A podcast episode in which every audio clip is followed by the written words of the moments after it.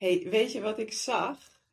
Ehm, ik zat even in de statistieken te kijken en ehm, daar kun je ook zien in welke landen wij allemaal uh, beluisterd worden. En ik schrok er eigenlijk best wel een beetje van, want wij zijn in de hele periode dat de podcast nu draait al in, nou ik denk wel, wel 15 verschillende landen beluisterd. Heel veel in de uh, Verenigde Staten, in België, in Frankrijk, in Ierland, in Spanje.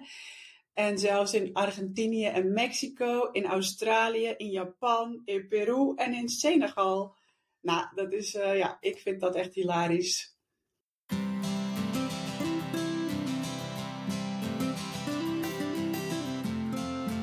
Hoi, welkom bij Schrijfpraat, de podcast. Wij zijn Emmy en Kim en in deze podcast praten wij over schrijven en over alles wat daarbij komt kijken.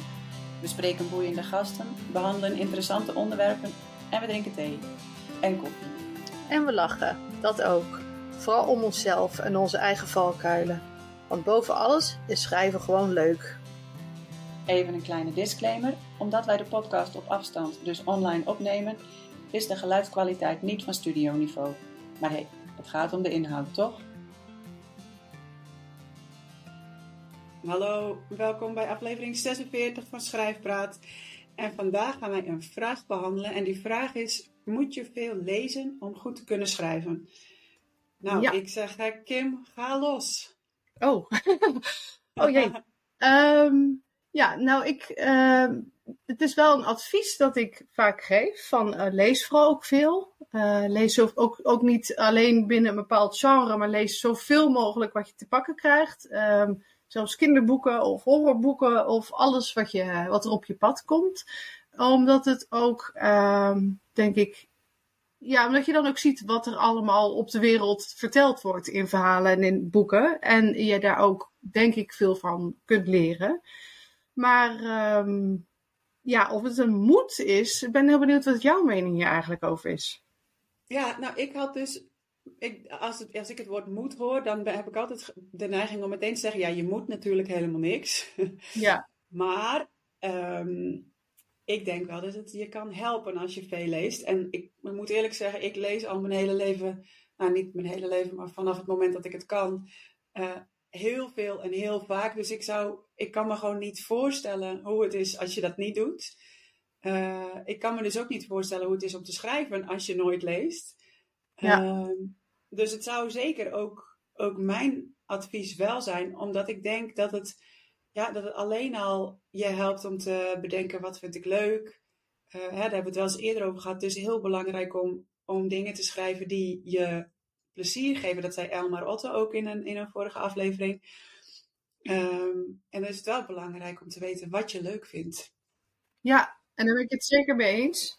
En dat is ook. Um ja, dus wat ik al zei, het advies wat ik meestal geef. Maar ik moet eerlijk toegeven dat ik zelf eigenlijk nooit lees.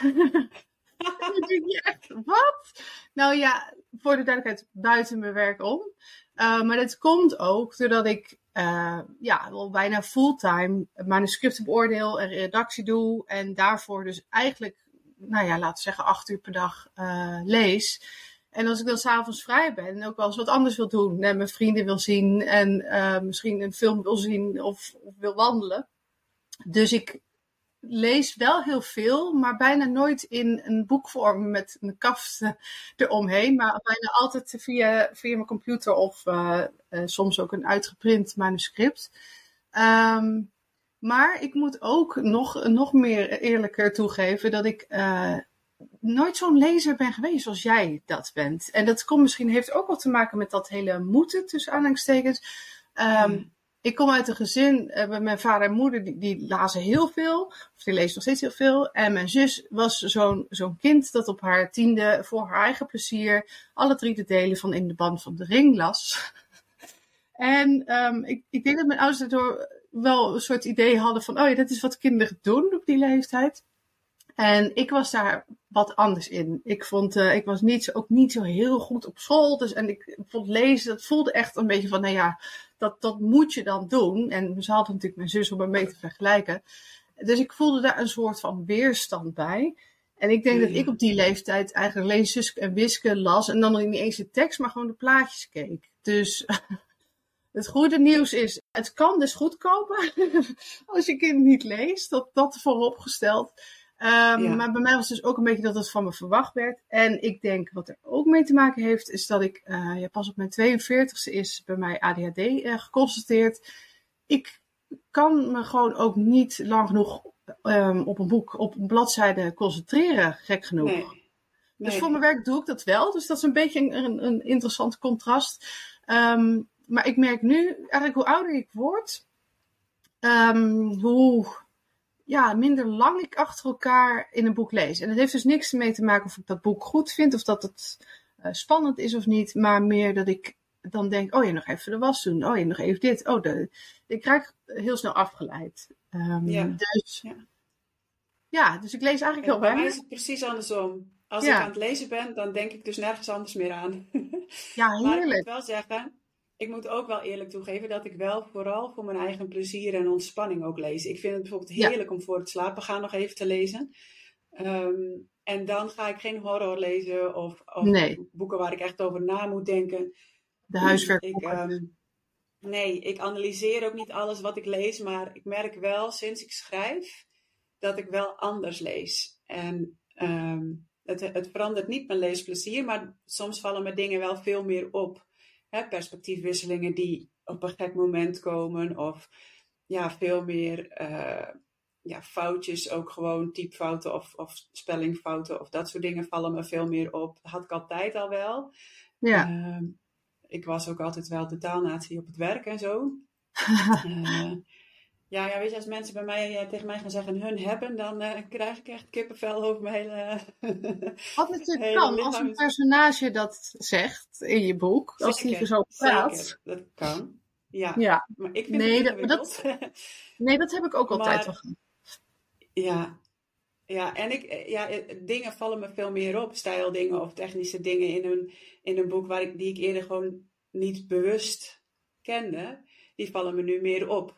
Ehm, en dat helpt me soms ook wel, want ik zei net van het is belangrijk om te onderzoeken wat je leuk vindt. Maar ik vind het ook heel belangrijk nu om te merken wat stoort me.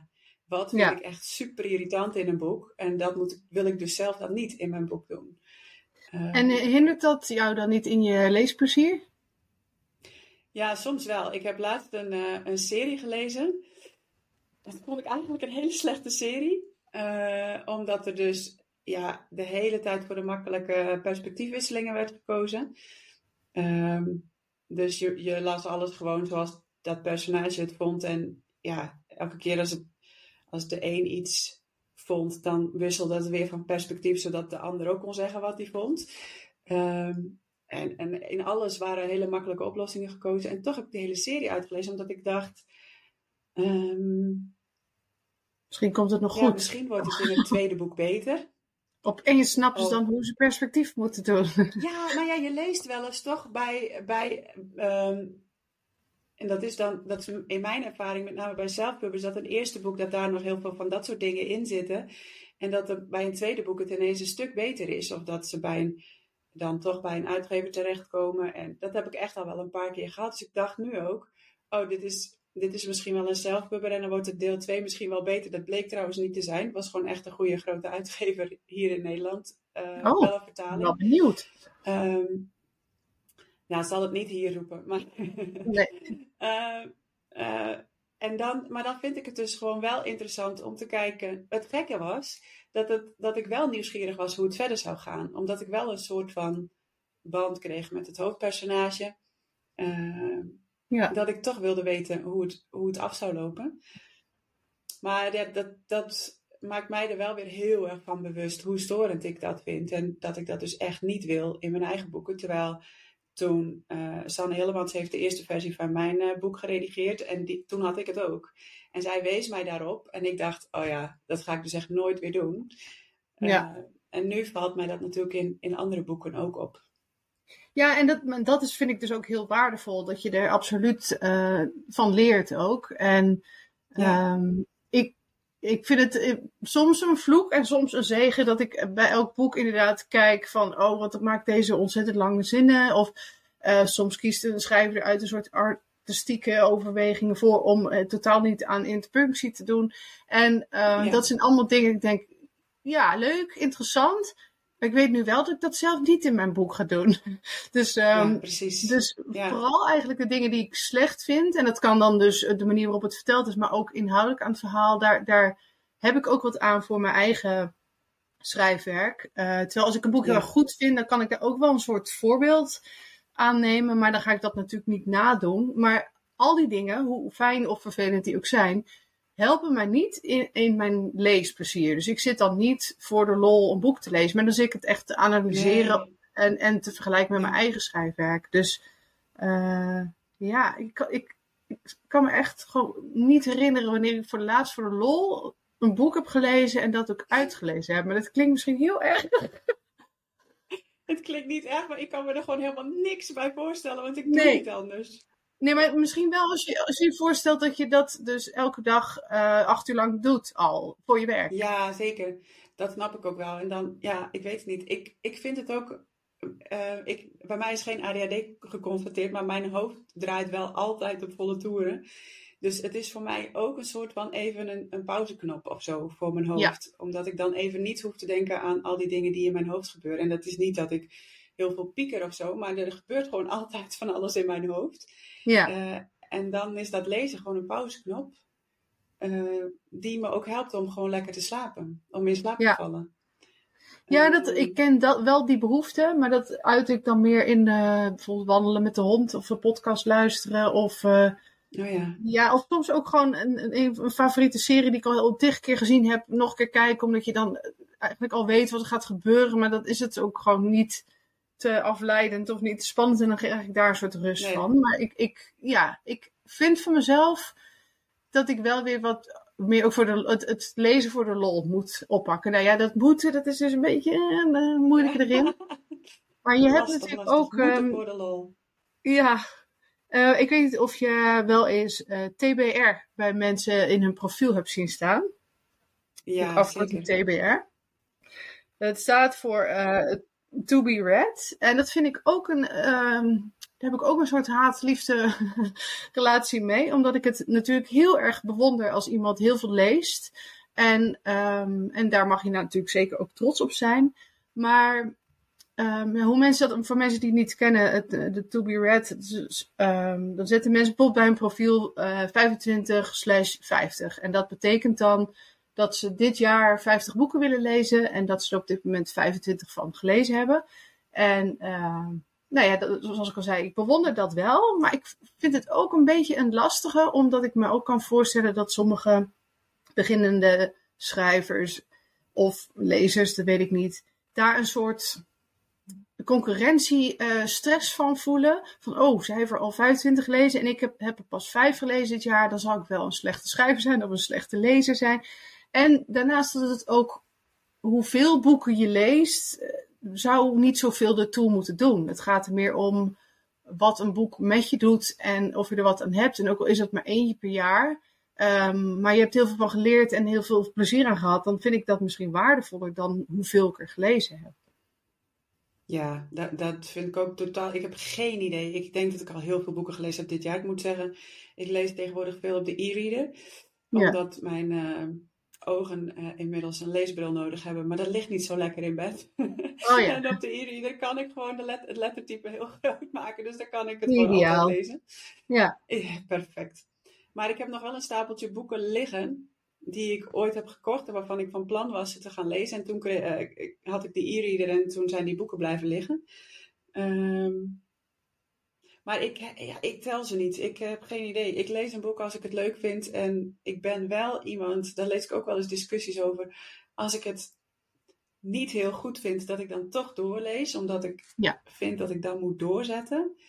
Um, dat doe ik ook wel, ja. Leg, ik heb, ben ooit begonnen in de Duivelsversie van Salman Rushdie, omdat ik vond dat ik dat gelezen moest hebben en dat heb ik weggelegd. Dat vond ik echt, dat is echt ook al wel twintig jaar geleden misschien. Maar, maar te moeilijk of sprak het je niet aan?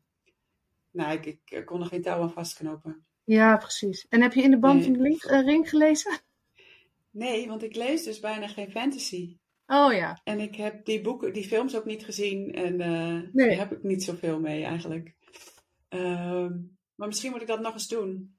Ja, en dit is ook wel een soort van de, de, nou ik zal niet zeggen de basis, want zoveel verstand ik er ook niet van, maar het is wel volgens mij waren die boeken er al toen, toen de term fantasy nog in ieder geval in Nederland nog niet echt uh, bekend was. Dus het is ook, kijk, ja, waar we het ook met uh, Elmar over hadden. Als het goed geschreven is, dan maakt de setting op zich niet zo heel veel uit. Dan gaat het om de intriges en de, de verstandhouding die de mensen met elkaar hebben. En uh, ja. ik heb zelf dus ook nog steeds Lord of the Rings of In Band van de Ring niet gelezen, omdat ik heb gehoord dat de eerste uh, 20 bladzijden of zoiets is die vooral de, de, de bomen en de omgeving aan het omschrijven. Wat natuurlijk oh, heel ja. mooi beeld schept. Maar het grappige is dat een boek, als iemand dat nu bij mij zou inleveren, zou ik zeggen: ja, dus ja, belangrijke informatie. Maar begin even midden in het verhaal, zodat we weten met wie we ja. meelopen. Dus dat, ik denk dat ja. ik, uh, misschien zit vloek in de kerk en mag je daar niks ergens over zeggen. Maar dat zo'n boek op dit moment misschien ook geen uitgever zou vinden, omdat het zo op een manier geschreven is die we op dit moment niet echt meer heel erg vaak gebruiken. Maar dat, ja, nee. ook daar leer je Nee. natuurlijk van als je dat leest. Ja, dat denk ik ook. Eh, maar dat is sowieso, ja, ik lees dus sowieso niet hele moeilijke boeken, omdat ik dan, eh, omdat het dat niet ontspant. Eh, Nee. En ik lees heel snel en ik, ik lees ook wel een, af en toe een beetje diagonaal, want met name, ik moet er wel om lachen dat jij zegt dat die eerste 20 pagina's, ja, dat soort stukken skip ik dus meestal. Oh ja. Als ik dan zie eh, dat een tuin beschreven wordt of zo, dan denk ik, ja, nou, dat geloof ik wel. Dan, eh Ja, maar misschien dat staat dan er ik een heel belangrijke bloem in die tuin die later dan een soort sleutel. Ja, daar ben ik dan toch bang Ja, voor. nou ja, ik heb dus ook wel eens gehad dat ik een boek voor de tweede keer las en dat ik dacht, huh, dit heb ik de vorige keer echt helemaal niet gelezen. Dus daar had ik denk ik net iets te veel geskipt. En eh, ehm, ja, maar het, het moet wel een beetje vaart hebben voor mij. Ja, Ehm, dus ja, het is ook maar net hoe je het leest en of je daar dan Ja. echt iets aan hebt en wat je doel is met het lezen.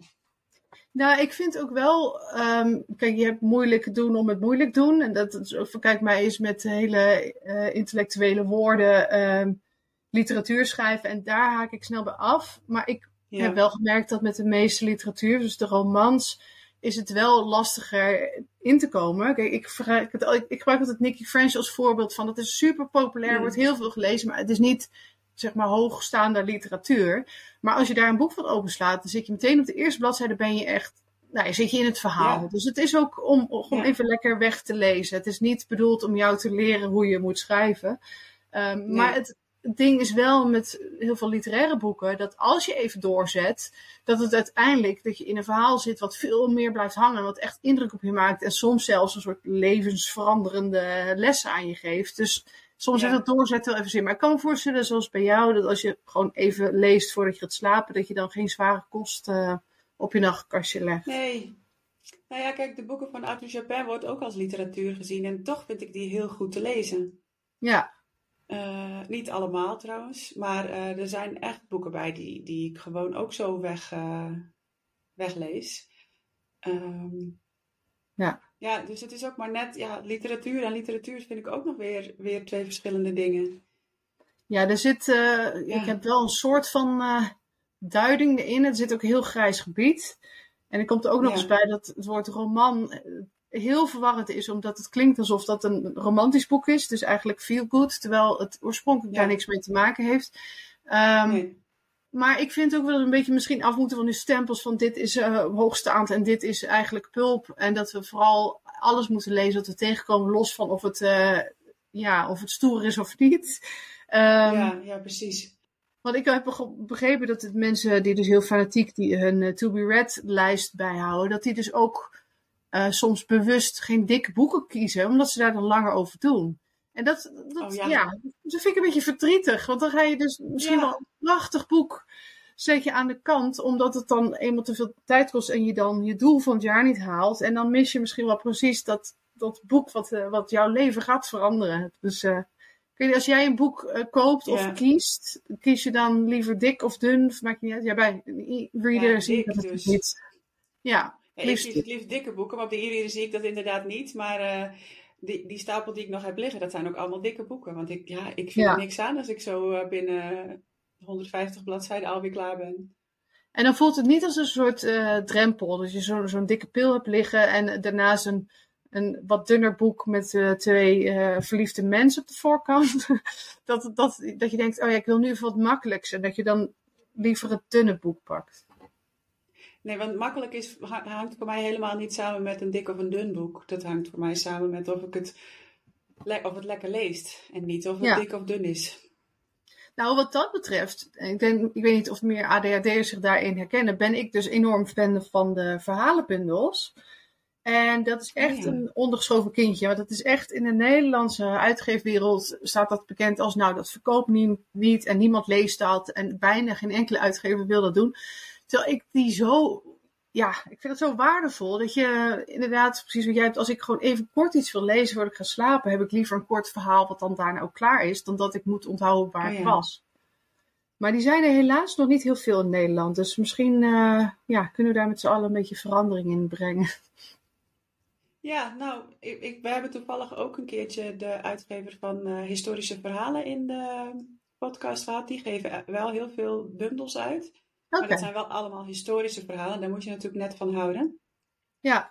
Um, ik hou daar zelf natuurlijk wel heel erg van. Dus daar heb ik er ook eentje van. Alleen ja, ik ben altijd een beetje onvervuld of zo bij korte verhalen. Dan denk ik, oh, maar hoe zou het nou verder gaan? dat is ook een beetje waar ik zelf tegenaan loop als ik korte verhalen schrijf. Hè. Dat kan ik dus ook nooit kort houden, want dan wil ik altijd nog weer meer vertellen. Ja, ja ik denk ook dat, dat ze in ieder geval, degene die ik schrijf, hebben ook een ander doel dan een boek. Want uh, uh, wat ik eigenlijk probeer met mijn kort verhaal is dat, dat het wel meteen een soort beeld of setting schept, maar dat je het alsnog wel op een andere manier kunt invullen. Dus dat het een beetje een soort ja. aan het denken zetten verhaaltje is. Ja. En dan, uh, maar jij, jij krijgt liever gewoon verteld wat je, waar je, wat je moet fantaseren. Nee, nee, nee. Nee, dat weet ik niet. Nee, maar het is meer dat ik dan wil weten hoe het verder gaat met die, met die hoofdpersonages. Ja. En dat kan ik dan wel zelf bedenken. Ehm, nee, want, in, want daarom kijk ik ook nooit de films van, van een boek dat ik heb gelezen. Want het, daar klopt niks van, omdat ik dan zelf hele andere plaatjes heb gemaakt.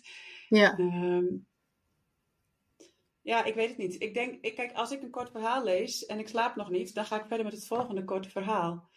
Ja, maar dat is ook niet erg, toch? En dan, dan ga ik dus niet nadenken over hoe het dan verder zou kunnen gaan of zo. Want dan ben ik alweer met het volgende verhaal bezig. Ja, en dat, maar vind je dat dan dat je dat hoort te doen als je een boek of verhaal hebt gelezen? Of vind je dat dan zielig voor de schrijver van het verhaal? Dat je er niet genoeg over nadenkt of niet, uh, dat het niet even laat bezinken? Uh, nee, dat is eigenlijk meer in reactie op wat jij zei. Van, vind je dan dat het je verteld moet worden in plaats van dat je er zelf over kan fantaseren? Ja, dat hoeft niet. Het hoeft me niet verteld te worden. Maar ik neem dus ook niet de tijd om er zelf over te fantaseren.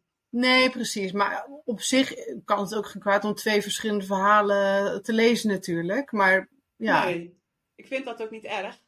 Uh, maar het was meer omdat jij dat zo uh, vroeg. Ja.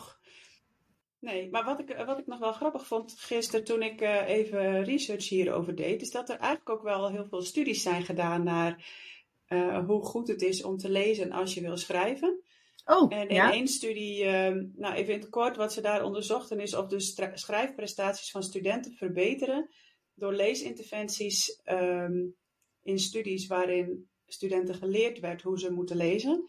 En studies waar uh, de interactie van studenten met uh, woorden of um, tekst vergroot wordt. Of door anderen te, te observeren die met, met uh, lezen bezig zijn.